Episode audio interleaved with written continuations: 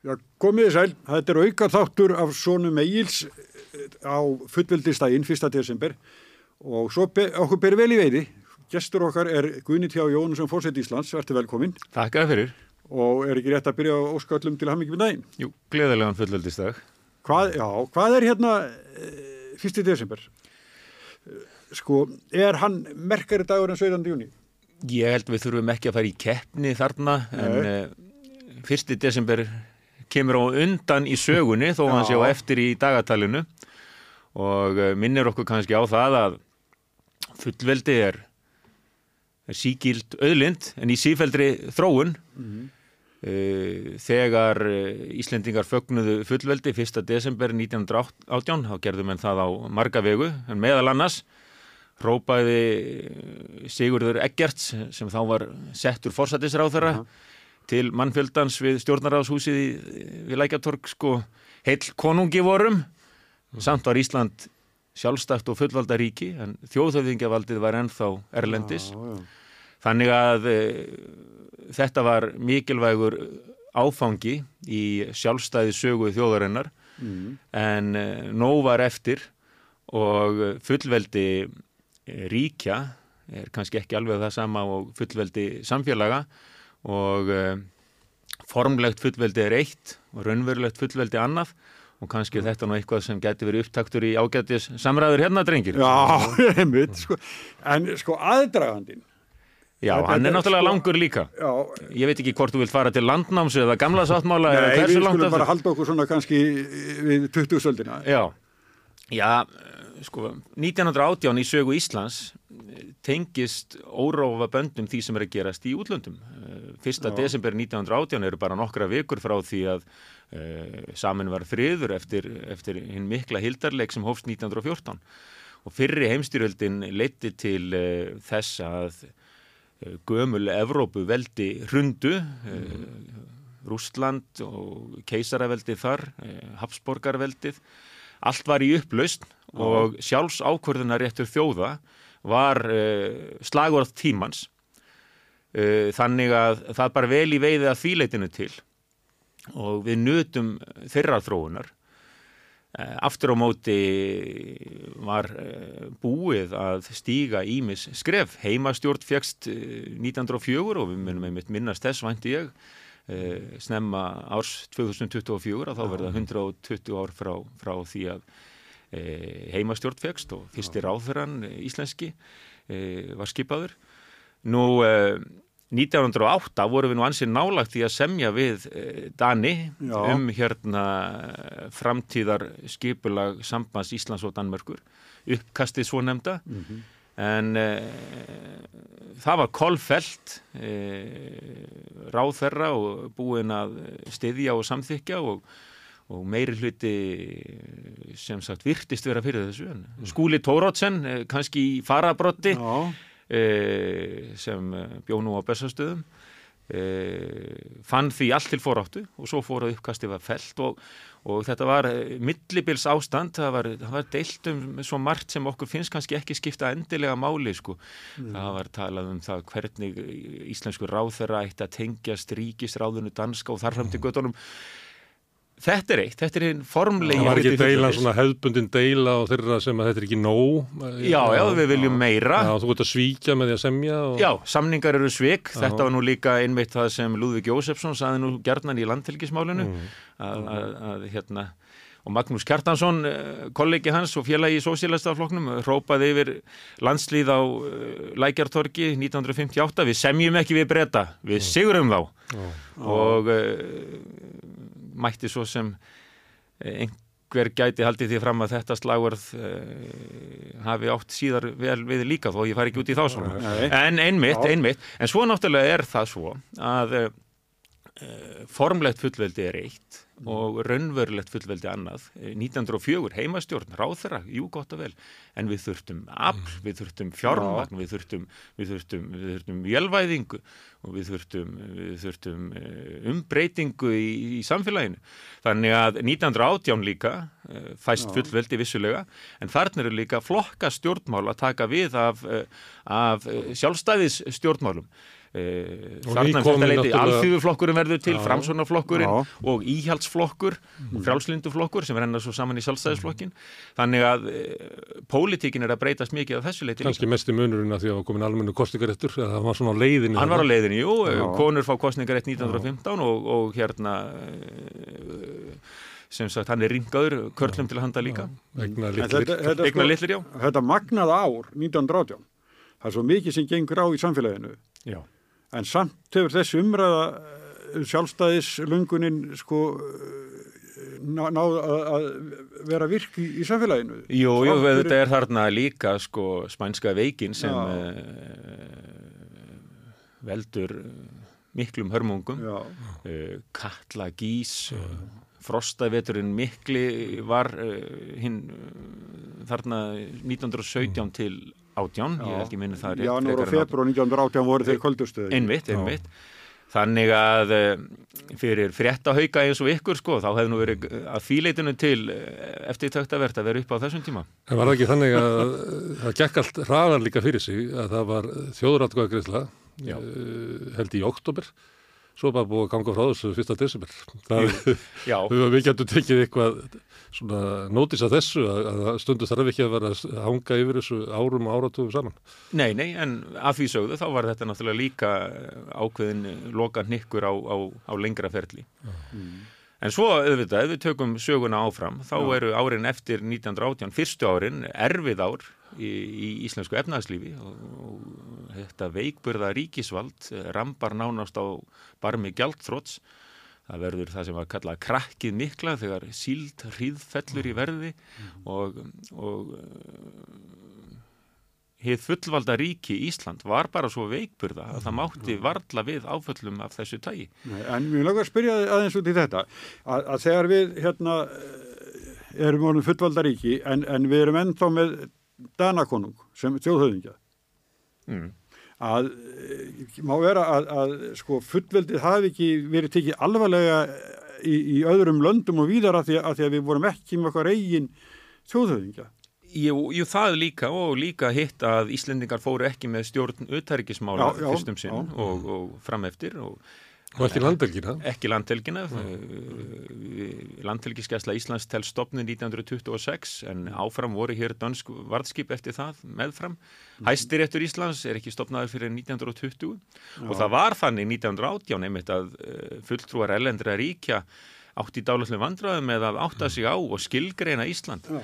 og tökum líka eftir því að eh, við eh, stopnum til sendiherra embættis í Danmörku í mikilli óþökk Kristjáns tíunda sem benti á, sem var nú rögrætt hjá honum.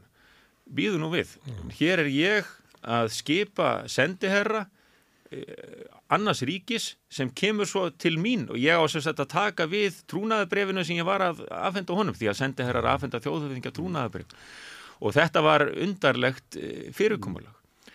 Uh, Fátækt Íslands uh, réð því líka meðal annars eh, að Ísland gekk ekki í þjóðabandalagið ólíkt öðrum eh, nýfrjálsum ríkjum á þessum tíma, Eistrasallöndin þrjú Ísland, Lettland, Litáin held ég minna öruglega rétt líka að Írska fríríkið hafi gengið í þjóðabandalagið. Minnst kosti Eistrasallöndin þrjú.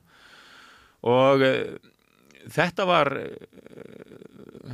umhugsanrefni þá og má vera það en af hverju þetta frjál, sjálfstæða og frjálsa og fullvalda ríki gekk ekki í þetta bandalag þjóðana, þjóðabandalagið. Fóruð þeir og snemma á stað?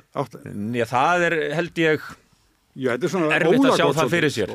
Uh, Fórsættisráður hann er í Kaupmannahöfn þegar þetta er gert.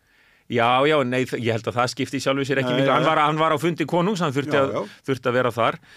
En uh, uh, í öllu falli var hitt fullvalda ríki veikburða að mörgu leiti. Já. Nú, uh, En er ekki ástæðan fyrir að þetta gerist þarna 1918 líka eitthvað sem er að gerast í Danmörku að, að það losna bara um böndin þaða með frá. jú, Það og er engin áhuga þar að, að halda okkur í nei, það, það var okkur til hafs að þeir voru til í Danaveldi sem sáu fyrir sér að, að, eh, auðlindir Íslands mætti nýta í þáu hins danska ríkis. Menn voru farnir að horfa til fossana til dæmis sem munum eftir áfórum með Meinas Benediktssonar og, og Títa, Títanfélagsins. Og, eh, og þess alls saman. Þannig að þeir voru til þar sem hugsuðu með sér að það væri nú ekki gott að missa algjörlega uh, tengslin við Ísland. Og þess vegna einmitt uh, var, var ákvæði um sameiginlegan eða sem sagt sami, eins, ríkan rétt Dana og Íslendinga á Íslandi. Og það var allir því að Benedikt Sveinsson til dæmis alþingismadur hérna, fadir Bjarnar Benediktsson eldri og þeirra bræðra og sískina var algjörlega á móti sambandslega samningnum, sagði að það væri verið að færa dönum hér rétt sem þeir myndu nota og misnota, svo varð reyndar ekki raunin, en þetta var áhyggjefni Já. Svo, einmitt, við tölum um þjóðhöfðingjan og vald hans. Kristján tíundi, eh, honum var skapið næst að segja af sig konungdómi til dæmis 1928 þegar hér verður umræður um, um hérna það að Ísland yrði myndi slíta tengsl við, við Danmörku í fyllingu tímas. Eh, hann eh, egnaðist aldrei hér konungsbústað. Eh, hann var engin Íslands vinur ef svo má segja. Það varð okkur kannski til haps eh, nú er ég hrifin af því sem má kalla ef-sögu eða hjásögu það sem hefði getað gerst. Eh, þeir eru nú tveir kollegar mínir í heimi fræðanna og sagfræði og sögu ritunar sem hafa mikinn áhuga á þessum málum. Valur Gunnarsson og Illu Jökulsson Við getum séð fyrir okkur Danakonung með brennandi áhuga á Íslandi. Mm. Við getum séð fyrir okkur þau áform sem að raunveruleika að hér er þið byggður einhvers konar konungsbústaður á fallegum staði í miðbæði Reykjavíkur og konungur Dana og Íslendinga kæmi hingað einu sinu ári eins og var raunin með sko svíakonung þegar, þegar Norugur tilherði svíaveldi. og ríði hestur sínum um gödunar og síðgóldum. Já, og fólki tekið ofan og já. hrópað lengi lefi kongan, eitthvað slíkt, sko. Svo var það ekki raunin og Íslendingar voru konungshollir á sinn hátt en, en samt ekki þannig að að hér væri talað um til dæmis eins og raun var þá í Noregi að stopna hér konungdæmi. Norðmenn tóku sér til konungs danskan prinsmunið 1905. Annað sem olli áhyggjum hér uh, á kreppuárunum sérstaklega var hér veikburða uh, sko ríkisvald, laurugluvald. Uh, við hefðum geta tekið völdin, sögðu sko kommunistar 1932 í gúttváslagnum og uh, uh, þeir voru til íhaldsmegin í samfélaginu sem sögðu sko við verðum að hafa eitthvert öryggi, við verðum að hafa einhverja tengingu við umheiminn annars getum við verið á valdi þessara öfga, öfga til vinstri, nú og jafnvel líka öfga til hægri út í það er farið. Þannig að þetta ríkisvald var veikburða um það landvarnir inn á við. Já, einmitt. Svo náttúrulega eh, sambandslega samningurinn 1918 er gerður til 25 ára þegar sem sé það má hefja endurskoðun hans og segja honum upp að 25 árum liðnum. Svo þetta brestu stríðið á 1940 og hér eh, hefur, við vitum það, hefur verið talað um e, blessað stríðið. En horfum þá ekki fram hjá þeim hörmungum sem stríðið olli. E, við mistum hér menn e, mest á sjó en líka á landi. Og e, reyndar hlutfalslega hefur verið talað um að við höfum mist eins marga í stríðinu vegna hernaðar og Bretland og brettar, en það mun ekki vera rétt nema menn verði farið svona frálslega með. En, en að hlutfalslega eins mikið og bandarækjumenn til dæmis. Já, já. Þannig að stríðið eh, kallaði hörmungar yfir Ísland að þýleitinu til, blessað stríðið sem við tölum um. Að ég tali nú ekki um líka ef við horfum til þess sem hefur nú verið í umræðinu nýverið og, og áður líka, eh, ástandið svo nefnda og hvernig brúðist var við því af stjórnvalda hálfu, Bára Baldurstóttir sagfræðingur og fleiri, eh, Þór Vættet og enn fleiri sem hafa varpað hulunni af, uh, af þeim uh, ógnar tilburðum sem hafður voru uppi.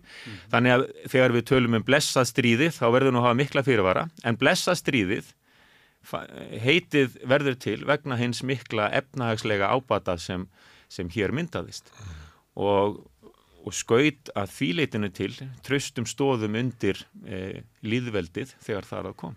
Já. En eh, sakfræðingurinn, getur þú gefa okkur svona einhverja hugmyndu um það hvernig, já bara alþýða manna eh, leit framtíð Íslands 1918. Það var náttúrulega margt búið að að sömuleiti eh, hérna við, það var margt í gangi ja, Reykjavík var mikið að breytast það var komið velvæðing skipaflótans það var komið inn peningar, það var gríðalegi fólksflutningar og sveitum eh, á mölinna og Já. Hvað eh, getur þú getið til um það svona hvernig fólk sá fyrir sig framtíðina? Já, auðvitað er erfitt að alhefa um, um heilt samfélag Elka Björstóttir hétt kona, verkakona í Reykjavík sem vann við þrif og þvotta og það sem uh, gjarnan fjall í hlut uh, uh, verka kvenna á þeim árum. Hún skrifaði mitt í dagbók sína 1. desember 1918 að þetta væri fallegur dagur, von í brjósti, von um nýtt og betra samfélag. En hún skrifaði líka, sumir eru tortrygnir og ef ég mann þetta rétt, Guð einn veit hvað framtíðin ber í skautis er eitthvað slíkt. Mm. Samspil sjálfstæðis og stjættabaráttu er á vissan hátt flókið.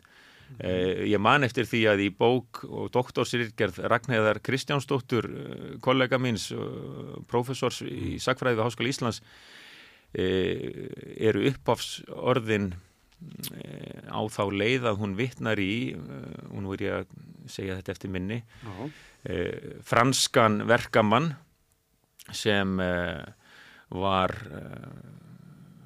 sannfærður uh, verkaðlið sinni og talaði um nöðsinn þess að, uh, að hérna að frjálsir enn í þúsund löndum tækju höndum saman mm -hmm. en svo þegar hann fekk sér í glasað kvöldi breytist hann í, í sannfærðan frakka oh. og vífla frans ofar öllu og þetta sjáum við náttúrulega svo vel í aðdraganda og við upp að fyrra stríðs oh.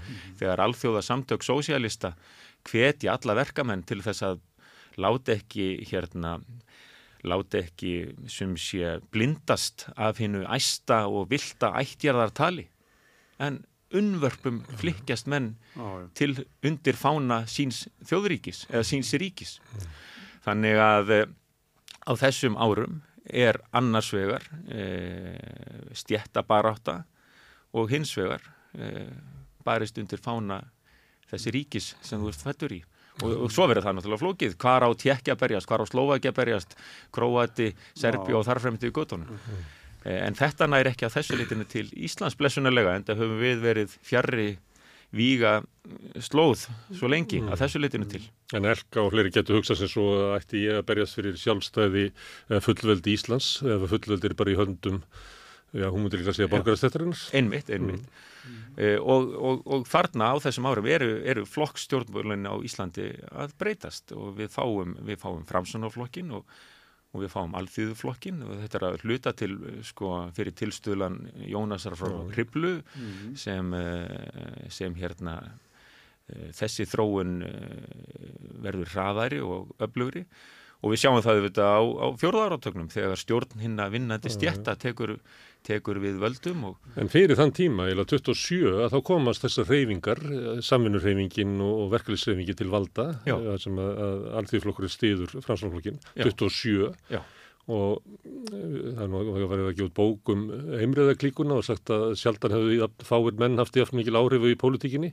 En þú nefnir Jónas og Hriblu, þetta er náttúrulega ævinterlegur árangur sem hann nær að, að hans flokkar er eiginlega búin að ná völdum 27 Já, já, já Nýju árum inn í, inn í fullveldið. Já, og þá reys hans eh, sól eh, hæst og skærast og skein skærast en en svo uh, sígur á ógæfur hlið hjá Jónasi frá Hriblu og meðal annars vegna þess að hann kunni kannski ekki kröftum sínum hóf eða hvernig maður skildin varða það og, uh, og uh, eignaðist auðvitað hatrama anstæðinga. En það var hann að breyta miklu, anstæðan var hluta til tengd því að já. hann vildi mikla breytingar á samfélaginu. Já, hann vildi, já. já og náði mörgum fram.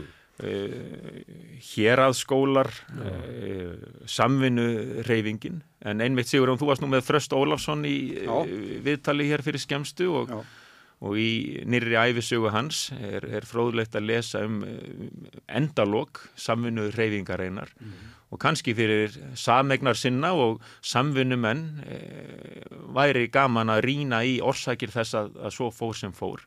Muni er rétt, segir þröstur meðal annars að, að e, samvinnumenn eru ekki góðir í samkeppni og uh, þeir gáttu verið góði til sveita en vonlösi til borga en ég segi þetta nú eftir minni en ég var að lesa þessa fróðlegu bók fyrir skemmstu.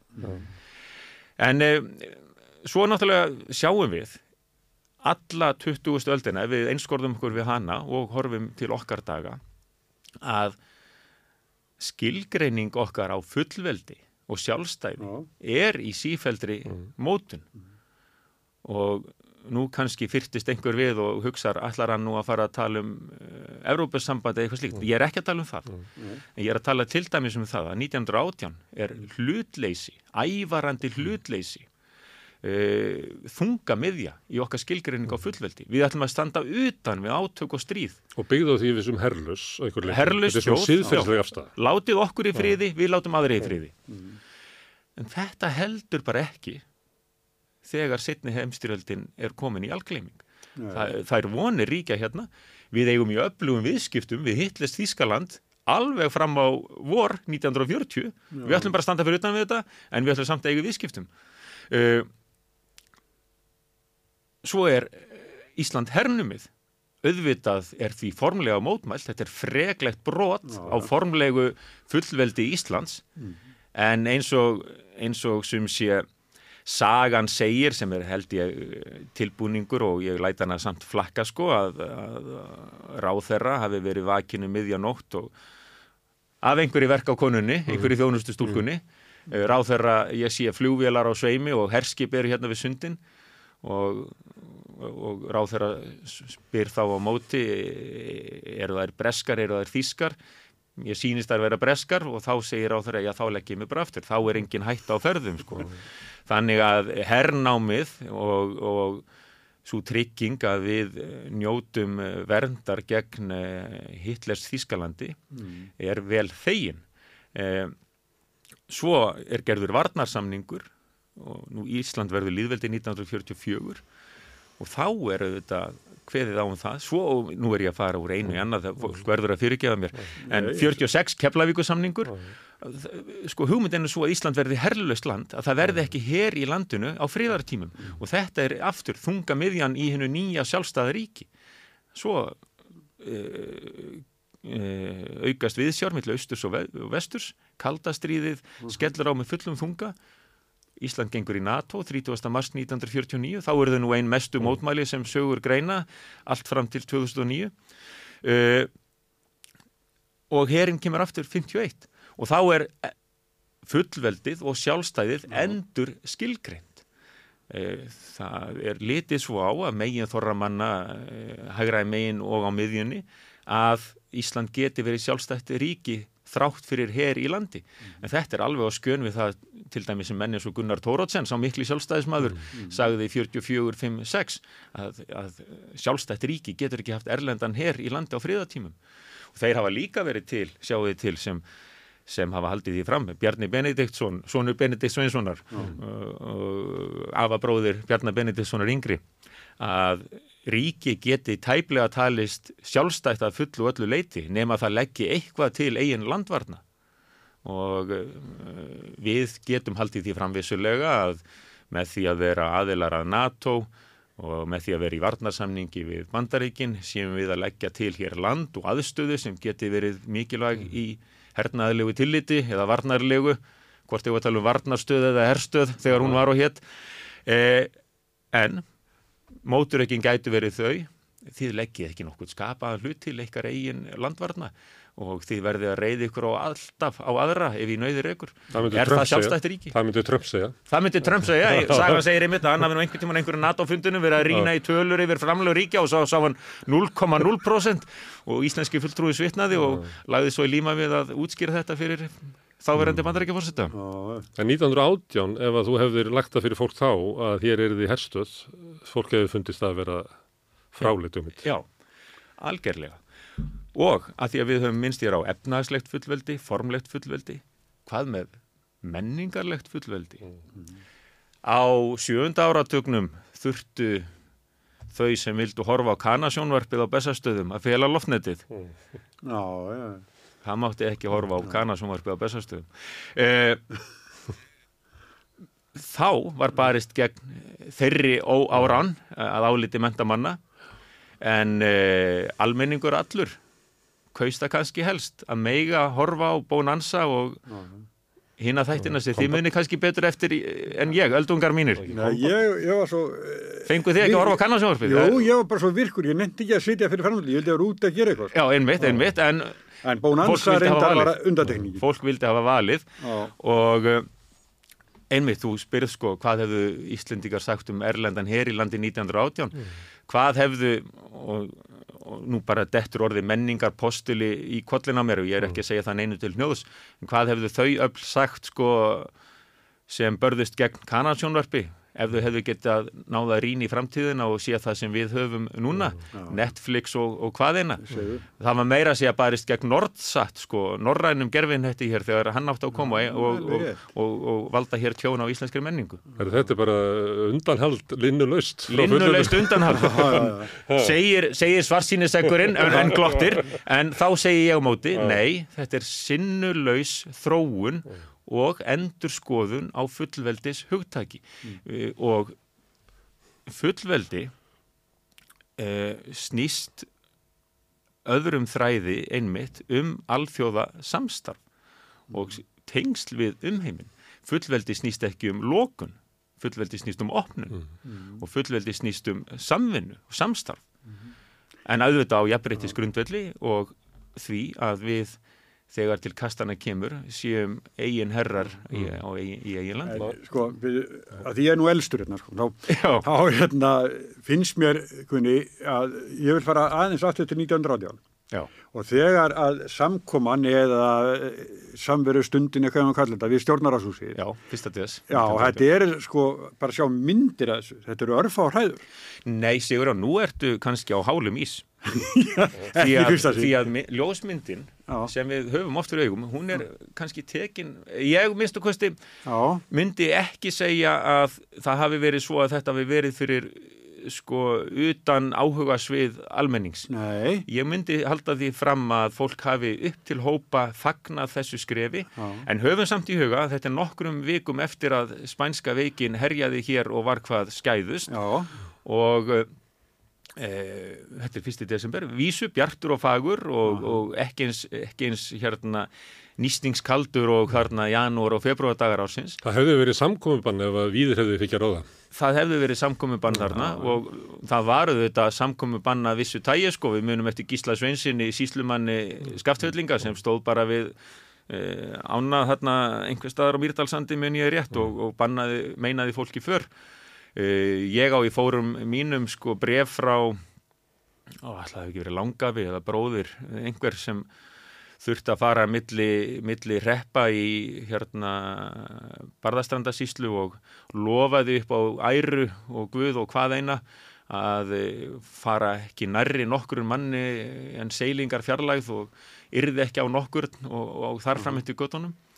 Þannig að 1918 uh, kunnum en sitt hvað sem en þóttist líka kunna í kofinu.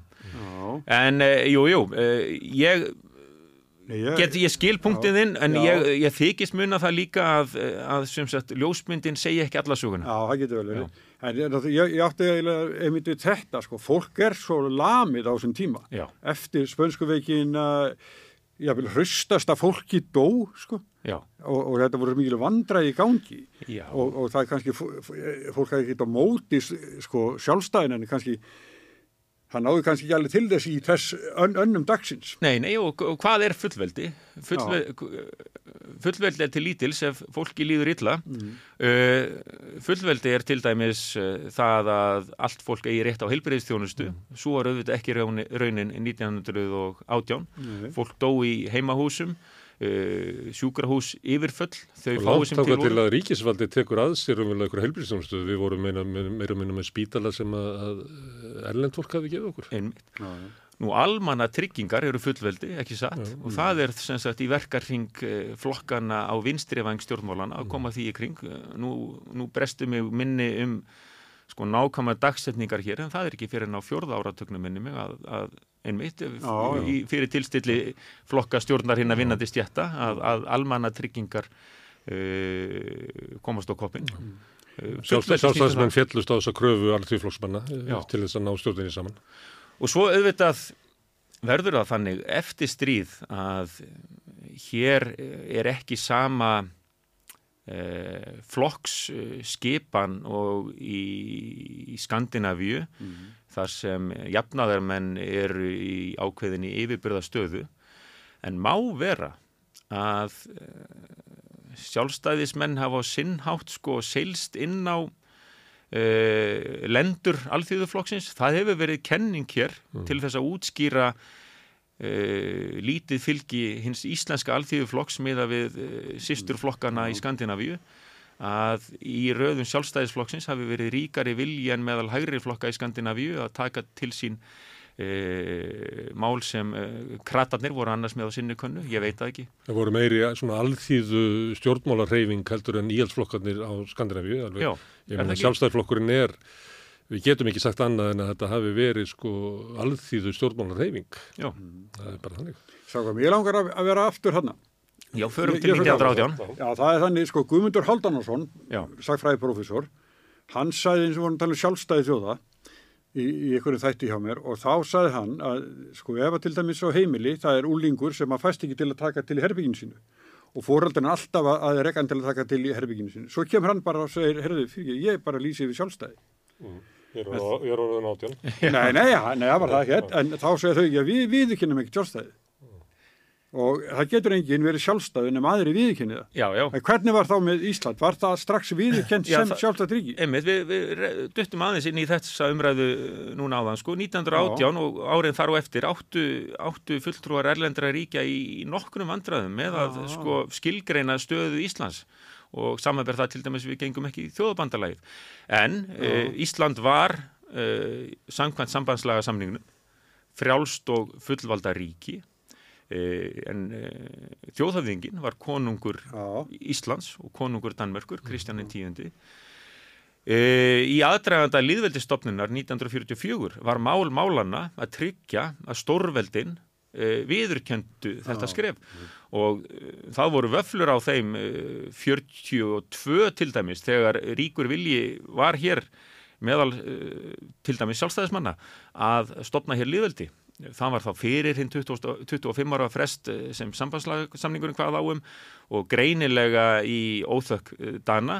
Þannig að uh, það eh, ræður miklu um það að, að ekki er stíð þetta stóra skref 42 heldur 44 að þá var komin trygging fyrir því að Bretland, Bandaríkin, Sovjetiríkin myndu viðurkenna uh, sjálfstæði uh, Íslands. En það sjáum við það að, ríki sem lísta hefur yfir sjálfstæði en uh, eiga í erfiðleikum með að fá viðurkenningu mm. alþjóða samfélagsins standa höllum fæti. Hvað má segja? Kosovo til dæmis, Palestína og þar fram eftir göttunum. já, já, já, já. Þannig að við vorum í svona einhver svona byðsal eða, Já, og svo lengi sem við Já. líka stigum ekki skrefið til fulls Já. við sjálf, en uh, það gerðum við uh, 17. júni 1944 eftir þjóðaratkvæðagreislu, aftur í óþökk uh, Dana og engum Dana konungs sem fannst að, að Dani væri órétti beittir, uh, sitjandi uh, í, að þurfandi að þóla uh, og nazista gætu ekki sem sé eh, komið til samninga eins og hverðið væri á í, um í sambandslagasamningnum og það eimdi mjög af Já. þessari gremju dana áratugum Ég held saman. þessi möguleiki að finnir gamlan dana sem er ennþá gramur. Já, það getur vel verið. Ég man eftir e, í bók Helga Tómassonar, dansara, mm. segi frá þessu og, og, og ég man ég, við spjöldluðum um þetta þegar mér hlottnaði svo heiður að spjalla hitt hann einu sinni og gott eða var ekki hann sem sagði sko að hann var kallar ekki Íslanding, heldur Íslander, í- í- du Íslander, eitthvað sem þótti þá hljóðs yrði og já, já, þess vegna, tölum aftur um eh, menningarlegt sjálfstæði, Já. menningarlegt fullveldi.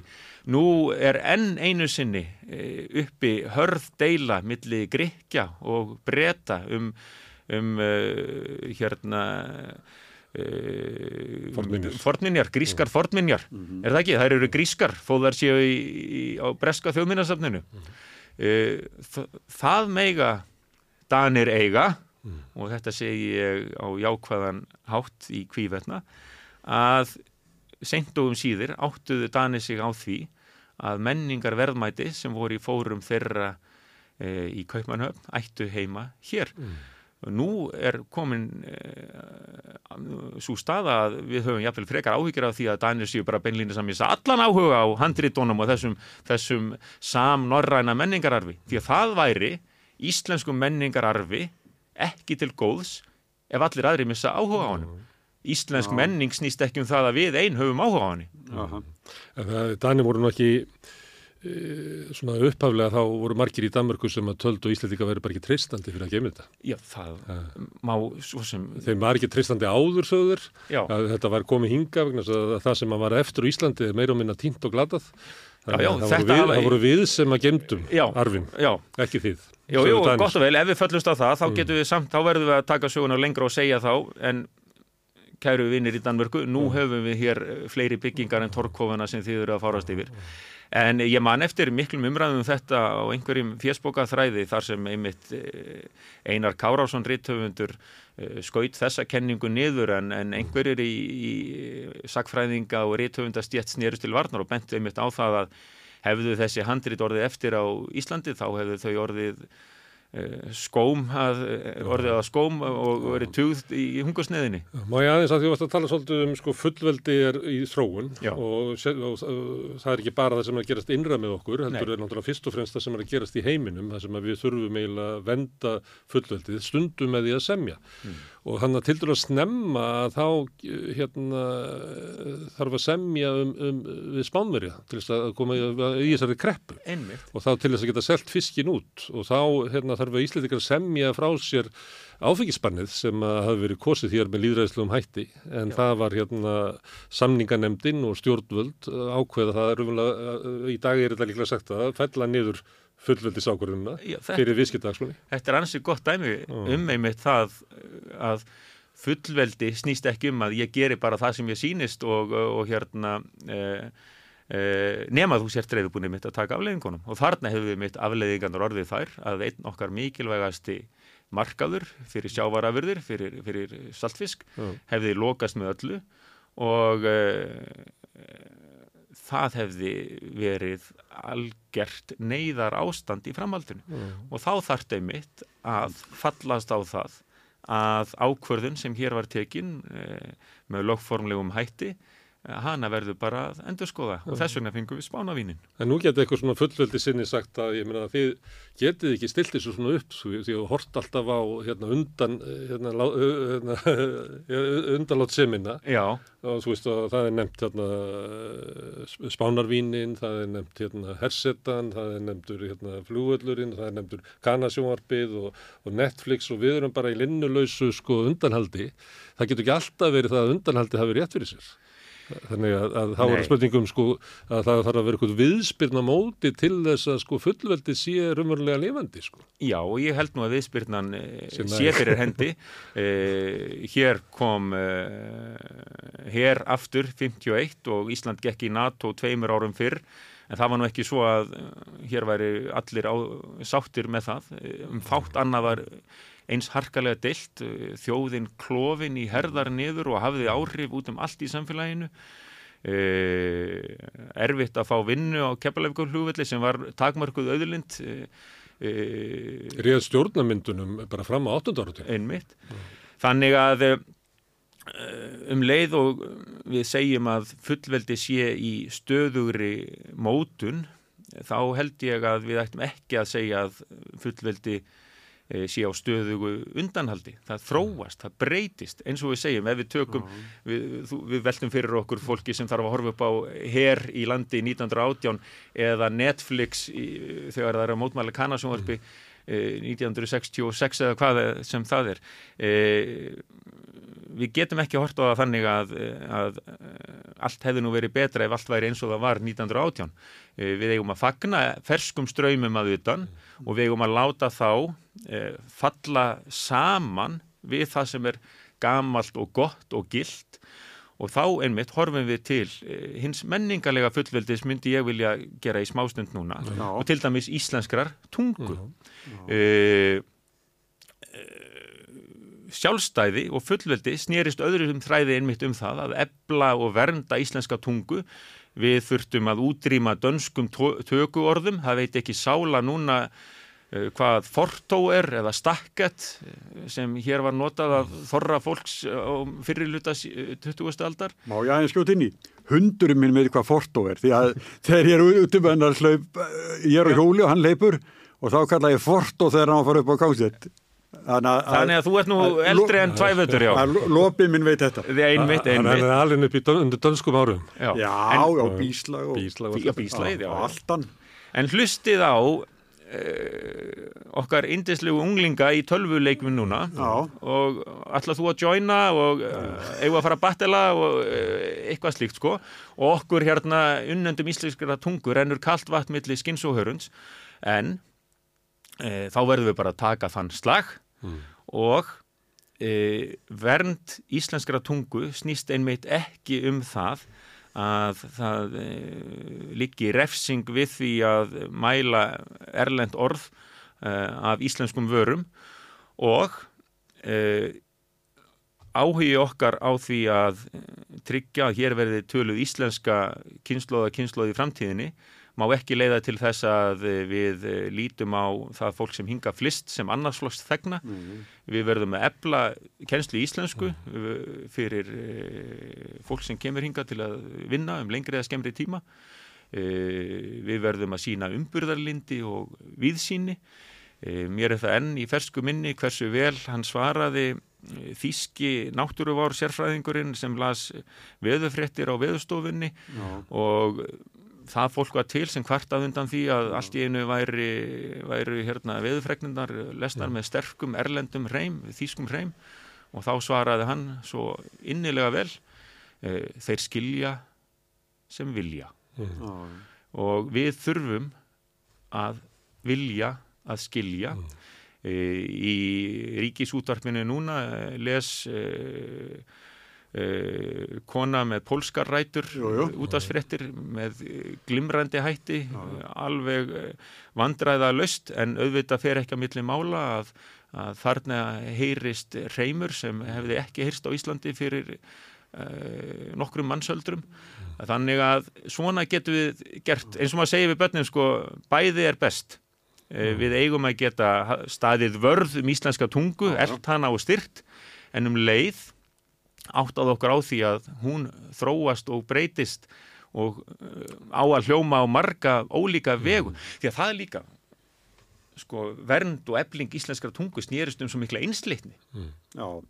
horfið á, lesið, lesið fjölnismenn. Þeir skrifa allir íslensku á sinn eigin hátt. Og, he- út á suður miða við sko, samræmda stafsendingu eða samræmd stafsending forn sem átti nú að vera til hérna einu sinni. Reymur, málfar það átti að útrýma og það tókst eða ekki að útrýma hérna flámæli, af því að það þótti ljótt Já. Svo er þetta líka svona stjættarlegt Stétt- að vera já. að banka fólk niður Já. sem ekki vera rétt um uppruna. Já, einmitt. Bara- Þannig að e, sko, ebling íslenskra tungu snýst á miklu frekar um fjölbreytni og reym hér og reym þar og þess vegna líka ef út í það er farið kannski ákveðið frelsi í að í því hvernig, hvernig þú skrifar. Eh, ég veit að móði mín sæl sko, hún, hún myndi henni myndi, já hún myndi aldrei fyrirgefa mér ef ég til dæmis segði eigum við ekki bara að leifa fólki að segja mér langar? Eh, ég er ekki að leggja það til ágætu áhörfundur svo að það færi nú ekki milli mála. En er þetta ekki bara ebling hérna þáufalsins sem var undanhaldi mér ég- finnst það. En ef ég segi að mér langi, um, myndur þú þá leiðrætt um mig? Ættur erfiðleikum með að gera það ekki kannski? Það setja strákur. já, verður algjörlega hinskilinn. En ég einmitt, segjum sem svo að e, til mín kæmi einhver sem er mikið niðri fyrir. Ég myndi vita til dæmis að þessi manneski er ekki langskóla gengin og hann eða hún myndi segja við mig mér langar svo til þess að þú vitir þetta fósetti góður. Ætti ég þá sem unnandi íslenskar tungu að fyrir ekki, uh, maður segir mig langar. Það er mjög fallið setning í æfiminningum hérna, Þórens Tryggvingssonar, þar sem hann segir að þegar hann kemur í áfengismeðferð, þá segir hann, ég þakkar hann ekki Guði, ég menn hann bara þakka fyrir það að hafa auðnast að beigja sig undir leiðsögn þess að þáufallsjúka manns. Það er einmitt að láta sko innihaldið í ræðunni ráða meiru heldur en sko málfarið. Já, þegar allt kemur til alls þá skiptir það náttúrulega miklu meira máli hvaða er sem við segjum en hvernig við segjum. Það. Er líka óborganlegu kapli í punktur, punktur, koma, strik, Pétur Gunnarsson, Jó, þar sem, þar sem hérna einhverjum verður á að segja sko, mig hlakkar til. Já. og þá segir annarkvort pappin eða mannmann, nei þá á að segja mér hlakkar til en mamma segir, nei þá segja ég hlakkar til nei, hva, hvaða vittlis er þetta kona Já, já, þetta var, þetta var mjög stert. Já, Það er hérna, ég, við höfum talað svolítið mikið um íslensku hérna við þetta borð og, og meðal annars við hérna innflytjendur Já. og eh, stundum hefur maður ekkert svona sérstaklega bjarta trú á íslenskunni af því hún er, við erum náttúrulega fá og það eru miklu miklu háskar en maður er aldrei bjartsýtni heldur en þegar maður er búin að tala við innflytjendur sem koma hinga og er að eh, hafa tilengar sér íslensku því að þau eru mjög bjartsýn fyrir íslenskuna og eru náttúrulega svona næstu ástfókin á málinni nýbúin að kynnast í og, og dásvarand að, að heyra það. En maður heyri það í þessum hérna, samtölum að vandin er kannski það að við þurfum aðeins að vika okkur eirun. Við þurfum að aðlagast því að það er fólk sem að talar íslensku með alls konar hrein. já, einmitt það var einmitt það, það, er það sem ég myndi vilja Já. nikka á Við erum alltaf að heimta að aðrir aðlægist okkur, Já. en við þurfum líka að aðlægast öðrum. Sko.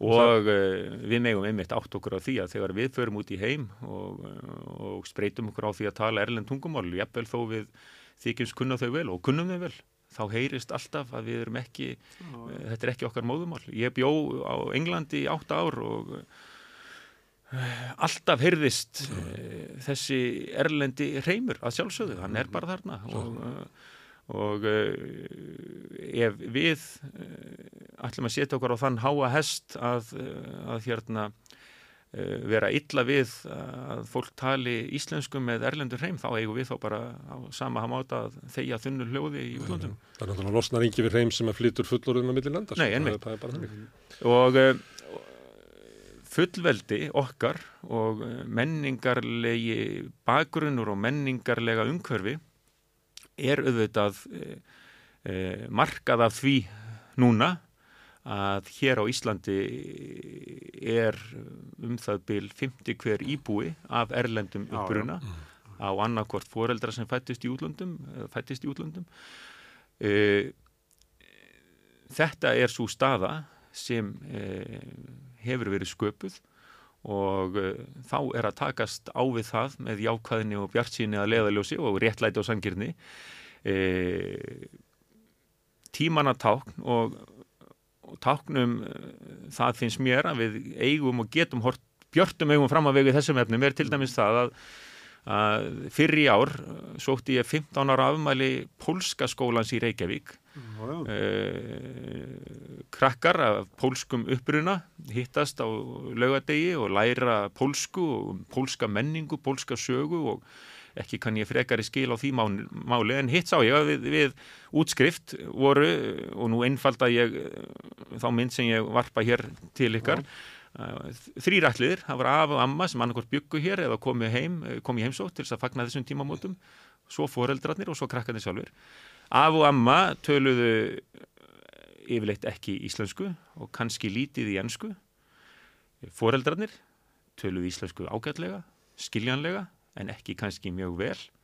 Ennsku mjög vel og auðvitað pólsku sína milli þannig að maður held upp í samræðum kannski aðeins á ennsku svo á íslensku eins og gerði, gerist og gengur. En krakkanir, þau skiptu alveg á milli, pólska, íslenska enska, þetta alþjóðamál leikandi létt.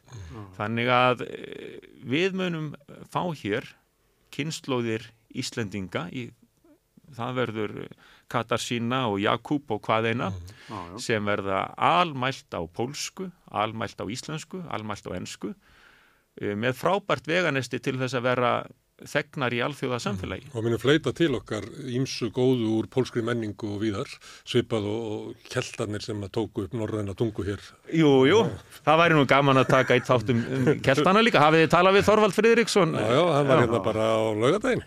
Já, ég eh, En þá var ég reyndar meira að tala með hann um skrimsli. Já, þá var, já, hann er Þú líka varst efaði svo mikið, þú, þú var svo mikið efahegjum aður. Já, stundum spyr maður þannig til þess að hérna, espa rök uh, viðmælandars. og það er náttúrulega sem sagt freistni vandi og og ja, tilneying kenningasmiða sem vilja varpa fram uh, nýrri rótækri sín á liðna tíð að íkja kannski aðeins já. Ég las bók Þorvaldar uh, mikill ánægju og fannst gaman að sjá til dæmis að hægt væri að finna keltneska rætur staðarheitisins bestastaðir. En uh, ég dokaði þar við og bendi fólki á að lesa líka rannsóknir annara sem hafa velt þessu fyrir sér og komist að svona hófsamari niðurstöðum um keltnesk áhrif hérna. Er það ekki Helgi Guðmundsson til dæmis uh, um, um Helgi, hafinnan? Helgi fann bara svona mörg orð, Já, en, en- Þorvaldur fann svona mörg orð. Já, og hvor hefur rétt fyrir Já, sér. er En það er nú einmitt eðli umræðu og eðli rannsókna að við höldum ekki bara með einum og hlustum ekki á annan. Nei. Svo vegum við og metum og smám saman eigum við þá von á því að, að eitthvað sem líkist inn í líklegustu niðurstöðu finnist. Má ég aðeins að því að hérna, þú nefndir hérna eins og almannatryggingar og, og eiginlega svona baráttu alþjóðu manna til þess að auka sjálfstæði sitt og fullveldi sitt. Nú er sjálfstæð og fullveldi náttúrulega lögfræðli heiti sem að tilheyra svona ríkisildum en sjálfstæðis barátta er ekki bara um ríkisildina heldur Einmitt. hérna, sér fólk fram á að við erum í sjálfstæðisbaráttunni til þess að bæta lífskjör okkar. Eh, Við háðum landtekistríðið í trúum að, að, að auðlegð sjávari myndi byggja hér upp gott samfélag og, og þetta er svona nátengt og sömuleiti verður þetta að horfa aftur til tímans og, og horfa á það svona sjálfstæðisbaratan væri alveg svo fullveldi, svona síkvikt uh, fyrirbrigði og sem að við ættum að að, að, að há og, og þá til dæmis þegar kemur að fullveldi steginu þá á maður til að spyrja svona, já, fullveldi hverra er það? Ef maður spyrir eins og elka, Já, hverra? einmitt. Sko, Guðmundur Kernestedt, skipherra sem háði nú marga hildi engum á eh, sjöunda, nei, á áttunda ára tíu síðastu aldar, eh, var með ægi og svo með, með tí og hann sagði alltaf, ég leita á þetta sem framhald sjálfstæðisbaráttunar. Við værum ekki fullkonlega sjálfstæðs ríki fyrir en við hefðum fulla stjórn á auðlundum hafsins, mm. réðum þeim sjálf og það má svo sem til eh, sannsvegar færa. Og svo sagði hann á gamals aldri eh, og eh, fer ég þá inn á þann hála ís. Eh, við háðum ekki þorskastriðin til þess að eh, sætt okkur við kótakerfið eins og það er núna, sagði Guðmundur. Þannig að það sem eh, má hafa úr því er það að, að, að formlegt stjórnskipulegt fullveldi og sjálfstæði er til lítils ef ríki eru algerlega upp á aðra komin um, um, um efnahagslega nýtingu öðlinda eða þurfa, þurfa að deila á óþólandi hátt eh, eigin, eigin eh, öðlindum uh, og þetta höfum við náttúrulega séð í, í víðum heim í, í fátækari ríkjum þar sem, uh, þar sem uh, ítök erlendra fyrirtækja og eru, eru það mikil að sjálfstæðið er ekki raunverulegt. Því kannski þekki þetta betur en ég. Við, við horfum til Mið-Ameríku til dæmis eða, eða ríkja, ímissa ríki í Afríku. Áratugum, fyrir áratugum síðan var kannski helst hort til bandareiskra auðringja nú hafa ímsir áhyggjur af íhlutun valdhafa í Kína, svo dæmi sín nefnt og þarfram eftir gotunum þannig að þetta er eitt efnahagslegt sjálfstæði sem þarf að tryggja Mm. en svo eins og þú myndist á líka með samningin við hérna Spánverja um saltfisk útflutning gegn því að, að hér er þið gerð grundvallar breyting á, á, á hérna áfengismálum við Íslendingar nutum auðlinda sjávar ríkulega á 20. stöld og gerum Mm. auðvitað enn þótt, þótt að heildarumfangi sé það minna og þá segjum við gerðnan, já, það er að því að við vorum fiskveiði þjóð og það er svo sem sjálfsagt. En við átum ekki sjálf allan þennan fisk, við vorum fisk sölu þjóð Mm. án ríks aðgangs að erlendum mörkuðum var til einskís Mm. að veiða allan þennan fisk. Þannig að uh, aðgengi að erlendum mörkuðum var líkillin að uh, efnaðslegri velferð hérna uh, í bandaríkjunum. Svo ætlu brettar að knýja okkur til uppgjafar með því að loka breska markanum þegar, þegar útfæsla landhelginnar eða fiskveiðilöksugunar hófst fyrir alvöru, sett á löndunabann. Uh, Þá nutum við þess að kaldastríðið var komið í algleiming og e, valdhafar í Moskvu e, buðust til þess að kaupa af okkur sjávarafurðir í stórum stíl og þess vegna fengum við í staðin já, olíu að austan og, og moskvitsa og lötur og volgur og hvaðina þannig að e, e, annars hefðum við verið e, hérna á köldum klaka Þannig að gleymum því ekki í öll okkar tali um efnahagslegt sjálfstæði að það kvílir ekki aðeins á því að við nýtum okkar auðlindir sjálf, heldur á því að við getum komið afrakstri þeirra auðlinda eh, í nýtt hann á erlendum vettvangi. Það sem kennist er að vísa til er kannski að þú nefnir uh, ríki í Afríku og svona að þá uh, eftir sjálfstæði þá gerist það stundum og gerst í flestum ríkjum held ég að, að innlend auðstjætt eiginlega stöðu nýlenduherrana og fyrir alltíðu manna þá breytist ekki mikið. Og, og kennist þegar eiginlega að segja til hvers áðu við þetta stríð ef að það var bara til þess að veri örfa á rættir ættu alltaf þess að auðlegð. Já. Uh, fyrstu árin, Vil, myndur þú vilja flokka svona tal um, uh, sem hluta sjálfstæðisbarátunni? Er verkalýðsbaráta sjálfstæðisbaráta?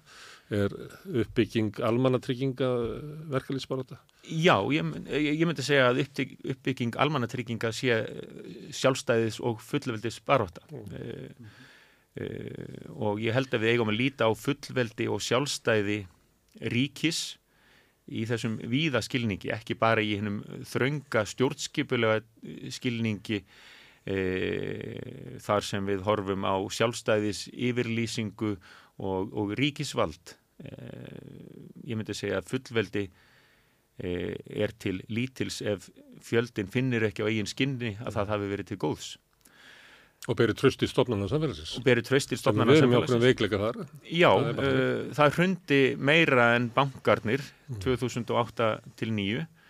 Uh, tröst til uh, margra stopnana uh, hrundi því miður um leið og það hefur verið þrautin þingri að endurvinna það tröst. Kanski er ég að íkja hér um of, kannski var þetta þróun sem bara tók stökk þarna 2008-2009. Eh, kannski er þetta einn fylgifiskur þess að eh, við búum núna í heimi eh, þar sem hver og einn eh, getur látið í ljós ánægju sína eða óánægju ef svo ber undir. Sem oft heyrist víðar. sem oft heyrist víðar og, og er jafnvel uh, háværari en, en ánægjurattirnar kannski er þetta ángi á því. Uh, ég man ég uh, nefndi einu sinni við hérna Ólaf Ragnar Grímsson, forvera minn í embætti að uh, það hefur verið dálítið merkilegt með Ásker Áskersson forsetta að hann virtist nú að bara hafa setið á friðarstóli svona meira á minna síðustu árin sko eftir það var þarna átök sko 56 um, um herin og 58 nýju myndun viðreisna stjórnarinnar og, og þar framöndu göttunum en þá, ég held ég megin öruglega að segja þetta þó við höfum bara verið að spjalla þá myndi Ólafur Ragnar mig á það sko að þarna var hann nú að stíga sín skref í framsónafloknum og sagði við mig, þú hefði nátt að heyra hvernig gamlir framsóknarmenn töluðum Ásker Áskersson en við höfum bara ekki samfélagsmiðlana eða leiðirna til þess að eiga þetta á prenti sko. Þannig að e, e, það er hluti af líðræðis og opnunar byltingu samfélagsins myndi ég segja að hver og einn hefur tök á að láta sína rödd heyrast núna. Og svo var alls ekki raunin e, hér fyrr á tíð. E, Sigmundur Ernir Rúnarsson gaf nýlega út ágættis ritt um e, reynslu sína í heimi fjölmiðla, ykkar leiðir lágu nú kannski eitthvað saman einhver tíman Það er ekki hægt annað. það er ekki hægt annað, þetta er það lítið land. Við búum í þorpi. við búum í þorpinu. Og uh, hann myndi á sko hvernig allt opnaðist. Þennan áratug sko hann, hann setur mörkin við 75 til 85 mm. ég er að leika mér núna eh, þegar eh, stundir gefast sem er nú því mér ekki of oft að skoða sögu landhelgismálsins er, er núna í áraunum 1972 til 73 og eh, þá sér maður eh, hvernig eh, samfélagið var á margan hátt fast í fornum viðjum. Mm. fólk er þérrað, ráþærar eru þérraðir það er ekki saumað af fólki í, í umræðu þáttum af þessu tægi Ekki orðin þessi líðræðis vakning innan fjölmjölana. finnst ykkur það ekki? Jú, Já. það jú, er bara... jú. Þannig Þetta að er ekki reyndar okkar kynslu, þetta er kynsluan undan okkur sem að gerir þetta. Já. En við komum og njótu þess svolítið. En aftur, og þá dettum mér það bara í hug núna að því ég er að lesa þessi sko halvarar aldar gömlu e, blöð að það var ekki allt betra í gamla daga. Nei. E, fortíðar þrá er hættuleg e, hverju samfélagi ef hún fer í öfgar. E, ég heyri því stundum flykt að allt hafi nú verið betra í gamla daga. Krakkarnir fóru í sveit og lærði að vinna fyrir sér og ég man svo vel að ég nefndi þetta einu sinni við gamlan lækni sem var sestur í Helgan Stein og hann segja sko hérna, var þetta ekki, það var krakkarnir bara lærði að taka á því og mm. kerðu traktor 12 ára og eitthvað svona og hann sagði Guðni minn ef ég má segja þér eitt sem mér þykir hafa breyst til batnaðar í íslensku samfélagi eitt sem er hryllir við þegar ég rifja það upp núna þá er það öll hérna drifskafta slísin það var ekki allt betri í gamla dag Nei. þetta frelsi sem við tölum um uh, frelsi krakkana sko, lesið dagblöð frá því fyrir 50 árum flettið þeim og þið munu æ ofan í æ rekast á fréttir ungur drengur lést, ung stúlka lést. Mannfórnir í umferðinni á sjó og Já, þetta tala um- er opin hérna- drifsköld, þetta er óvarið. Já, algjörlega óvarið og bátar, fjóra, fimm tonna bátar að fara á rækjuveiðar í Ísafjörðardjúpi eh, engum sagt til hnjóðs. Veruleikin var bara annar og hann var ekki alltaf betri. Það er svo margt sem við hefum gert hérna í þessu samfélagi til þess að tryggja réttindi til þess að bæta líf, bæta aðstöðu auðvitað er svo margt sem við getum gert miklu, miklu betur Ég, ég en við erum á réttri leið Ég var sjómaður og ég gætt talið upp 30 menn sem höfðu farið sem ég var annarkot kunningi eða hafði talað við það og þekkti til þeirra Já. og ég 30, ég, ég 31, 2, ég manni hvort það var. En þetta var bara sko upp úr sko, 1980. Þá gæti, semst það var, var á vertiðunum, þá fórust alltaf bátar. Það var bara, það var bara saga Já, því miður. Og sem við lítum líka um öxl uh, réttindi fatlasfólks já, já. ég er að lesa eina bók líka. Einn sem er á náttborðunni er bók eftir Böðvar Björnsson um geisamfélagið á Íslandi þú voru að passa að það veri ekki búið með jólabókaflóðið fyrir jól. Já, nei, nei, það er alltaf nóg eftir Já, já. það er nú blessunarlega svo að Hann kom í heimsókn til okkur líka. Já, gerðan það. Já, ég hafði sérlega gaman að þessari bók uh, og áttaði mér á því sko uh, að engin saga er einföld og utanfrá séð mætti maður ætla við fyrstu sín að uh, hommar þess tíma hafi allir verið einhuga um hvaða leiðir ætti að fara í sinni réttinda og, og, og, og sjálfstæði sparáttu svo varum við þetta alls ekki raunin. Þannig að það var fróðlegt fyrir mig að sjá hans sín á þetta. Má ég spyrja út af þetta, því að þú nefnast að nefna á hann svona samfélagsmiðlana og reyðin er hávarari heldur en, en hérna, blíðuhóttin, þannig er það bara. Og, og, og þessar svona umræðu, en svo, svo ertu líka að vísa í alls konar framfarir eh, sem að byggðust á sko miklum deilum og það var deilt um sko fullveldið og meiri segja líðveldið og landirgis og það var deilt um þetta allt saman. En, en einhver leit erum við inn á tími núna þar sem við óttumst bara umræðuna og, og, sem að kannski er hættulegt fyrir svona lítið samfélag sem að á, svona tímabilin þá viljum við kannski taka samstuna fram yfir ég veit ekki sannleikan eða eitthvað Já. það er þessi ótti við svona að hluti af því að vera öflugt og, og, og kröftut líðræðslegt samfélag er að hér sé bara hávar og mikil umræða í samfélaginu en samt er eins og við viljum helst eh, þakka hana niður Já, við þurfum að finna hinn gullna eh, millivegi í þessu sem öðru.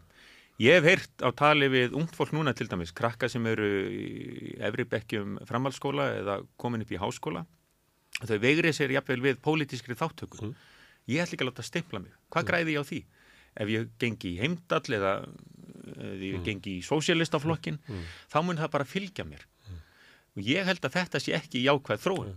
En þá vil ég ekki heldur fá hinn liðna tíma þar sem uh, þáttaka í ungliðastarfi einhvers flokks jók líkunar á því að þú fengir einhvert, einhverja stöðu. eða eiðilega alla framtíða Eða eiginlega allar fram. Berufs, Verbót já. uh, var talað um í Vestur Þískalandi.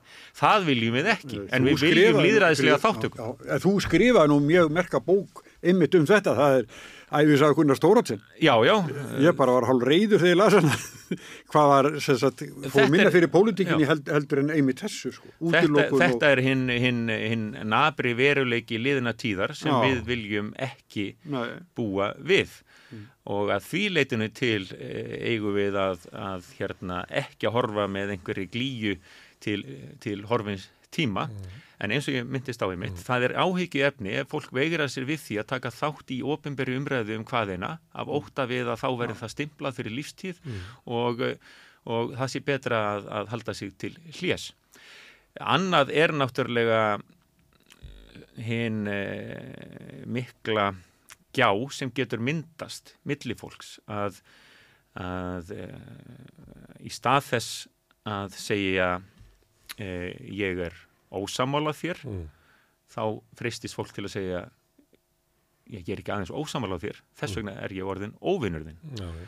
e, þetta er áhyggjuefni og e, hugsanlega e, má færa rauk fyrir því að samfélagsmiðlar auki á þessa ógn í líðræðis samfélagi að fólk freistist til þess að hlusta einungis á e, annað fólk á sömu skoðun já, já. og allt annað þar fyrir utan verði uppspretta reyði, haturs, illvilja í stað þess að við náum að e, átt okkur á því að grundvöllur upplugs líðræðis samfélags er heilbrigður ágreiningur.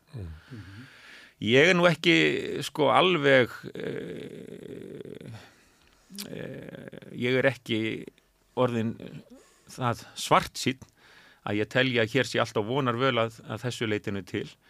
Ég, tel að við getum jafnvel hér á Íslandi snúið smæð okkar í styrk en ég tel að það sé þá brínt að við höldum áfram til dæmis að, að hittast utan hins Já. stafræna vettfangs. Ef þú til dæmis e, ert virk eða virkur í félagsstarfi en samt eh, rótækur eh, sósialisti eða rótgróin sjálfstæðismadur eða hvaðina þá eru líku til þess að þú sért í kór með einhverjum á undverðum meði eða farir á foreldrafund eða hittir í heitapottunum uh, einhvern. Og áttið þig á því að manneskjan sem þú ert innilega ósamala á netinu er af holdi og blóði og á kannski sömu drauma og þrára vissuleiti og þú sjálf eða þú sjálfur. Og þannig kemst hið mannlega og hið hlýja inn í kaldar hatramar deilur.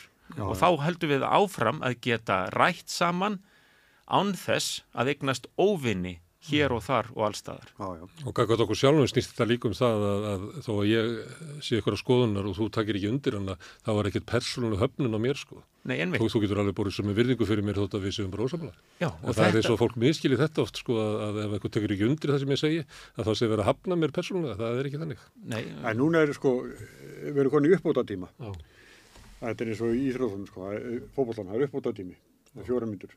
Þetta ég ætla að, aðeins að bara því Já, að tala um þetta. Já. Þú ert náttúrulega í furðulegu hlutverki í íslensku samfélagi og þú þarft að tala eitthvað vit inn í samfélagið en hins vegar gæta því náði að það ger ekki allt vittlust. þetta, myndi, þetta til dæmis ætti ekki við um skapgerði mína. Hvernig ferði eiginlega að þessu? Já, ég, uh, veit að fenginni reynslu að maður veit aldrei hvað morgundagurinn ber í skautið sér. Uh, Sú var raunin uh, 5. apríl 2016 og 5. mæ 2016 og alla daga eftir það og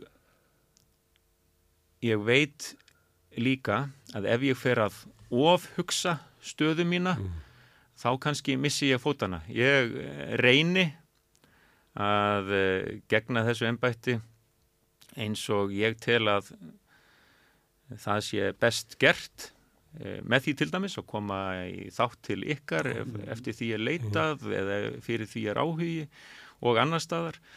E, og mér þykir væntum og nú horf ég ekki á mig sjálfan en mér þykir væntum að Íslendingar upp til hópa bera virðingu fyrir þessu ennbætti og þótt finna megi og jafnvel í, sérstaklega kannski í hópið þeirra sem hlusta á samstöðuna meira en aðrir uh, megi finna fólk sem hefur efasemdir um tilgang og hlutverk ennbættis þjóðhöfðingja. Þá held ég að þegar við lítum um öxl og horfum fram á veg að þá megi halda því fram að, að þetta ennbætti e, sé ákveðin þáttur í stjórnskipun og samfélagi sem væri ekkit endilega von, gott að, að missa. Mm. Þú þarf svolítið að tala í, í, til þjóðarinnar og ég held að öll samfélag þurfu á einhverjum slíkum að halda ég bara, biskupin í Kantaraborg hefur svona hlutverkinn í Breitlandi að tala það sem eru ágrinningar eins og þú ert nú að sömuleiti að tala um innflytjendur og íslenskuna að reyna að, að halda utanum eitthvað svona, ég veit ekki hvað að kalla þetta svona, þetta er svona fyrir utanið pólitíska þrás en þetta er samt mikilvæg mál sem að þarf að vera. Vissilega og einmitt held ég að við þurfum að láta renna saman ferska ströyma samtímans og umheimsins við sígild gildi sem við höfum haft í heidri hér. Og þess vegna þarf til dæmi skilgreining okkar á því hvað er að vera Íslendingur, að vera uh, mörguð víðsíni og umburðarlindi, uh, fjölbreytni og frelsi. Uh, og mér finnst ég vera að gegna mínu ennbætti þegar ég hamra á þeim gildum. Og svo finnst mér líka að eh, við verðum að hampa einhverju sem við getum kallað jákvæða ættjarðar ást mm -hmm. anspænis þjóðverðnis rembingi mm -hmm. og ílsku í garð annara og um, ég segi gjarnan þá sögu þegar ég tala um þjóðverðnishyggju til dæmis út í heimi ráðstefnum eða fundum eða ofinbörum heimsóknum að eitt sinn eh, í mínu fyrra lífi þá uh, var bóða til fundar í Sakfræðingafélagi Íslands um endálók þjóðurnishyggju með, með spurningamerki mm. og með tilteknum fyrirvara og rann svo upp sá dagur eða kvöldstund að við ætluðum að ræða við Sakfræðingar um endálók þjóðurnishyggju en kom þá ekki tölvu póstur frá stjórnfélagsins að því miður verði að slá á frest fyrir fundi um endalók þjóðurnisíkju vegna þess að hérna, strákanir okkar eiga leikikvöld og það ætla allir að horfa á hann. Þannig við ætlum ekki að tala um endalók þjóðurnisíkju heldur er það áfram Ísland. Og nú eiga stelpunar okkar leiki sko framöndan og ég ætla að fara að horfa á þær e, spila á móti Angóla núna eftir helgi og, og mun einmitt e, e vona að Ísland hafi þar betur og stelpunar okkar. Eh, Sumið þykir þetta kannski hjákallægt dæmi eh, sem var þar yngu, má ég þá taka ögn eh, sterkara dæmi? Eh, að því að við vorum að tala um árið 1918 og endum kannski á þeim slóðum. Mm. 2018, þegar þess var minnst að heil öld var liðin frá endarlokum þessa skelvilega hildarleiks, Eh, var bóðað til mikillar friðar og minningar ráðstöfnu í París þar sem eh, Macron, fraklandsfossetti, eh, flutti tilfinningaríka og heita ræðu um einmitt ógnir öfgafullrar þjóðverðinshyggju sem hefði sínt sig í þessum styrjöldum bæði 14 til 18 og svo 1939 til 45 og megi það aldrei koma fyrir aftur rakti þetta í laungumáli en hvernig laukan ræðu sinni Jú, Vive la France. Það er megin verkefni valdhafa og fólks í ábyrðarstöðum um heim allan hér á Íslandi og annar staðar að tryggja að samanfari fullveldi og alþjóðahyggja e, víðsýni, umbyrðalindi, fjölbreytni, frelsi annars vegar og e, staðfesta og ákveðinni og vörður varðstaða um, um hinn gömlu gildi. Við verðum að ná þessu tvennu saman því annars er voðin vís. Annars verður ekki góð kaka úr því. Herðu, en við erum að tala um uh, 1918, uh, næsta ári er 2024 og þá eru fórstakostningar. Guðni, ertu búin að ákvaða hvað þú gerir á næsta ári? Nú fer ég að tala um fortíðar þrá aftur. Hér í gamla daga hefðu engum dottið í hug að spyrja þann Nei. sem þessu embætti gegnur eh, Hafið þér. Þá býðum við eftir áramönda Já, ávarpinu. það er einmitt Það það, er- sem ég ætlaði að nefna Já. sko að það myndi vera vettvang. við örðum samt að spyrja þessu. Þið eru frétta haukar, Já. skratta kollar, var það Nei. ekki orð eh, sem var notað Nei, einu stundu segjum að ég bara spyr af öllu vegna Að þess að ég, ég þóla, þóla fá nei. Að sjálfsögðu. Já. Sjáum hvað setur. Ég hef búin að hafa gaman að þessu spjalli, ég vona að þið hafi notið þess líka og Frábært að fá þig. Já, sökkunum kjalla fyrir komuna. já, gleðilegan fullveldistak. Já. Takk fyrir það. Og þú afkynnið þáttinn. Já, já, þá, þá er þessum auka þætti af svona meils lokið. En við verðum hér aftur á sunnudaginn Já. í háteiru klukkan 12.40 með allt öðru þessi þátt Já. og allt öðru þessi gesti. En, Sjáumst þú. en samstöðnir sókn verið með okkur. Allir þættir samstæðvarinnar eru fáanlegir á öllum helstu hlaðvarpsveitum. Sláist í hópin og gerist áskrifendur.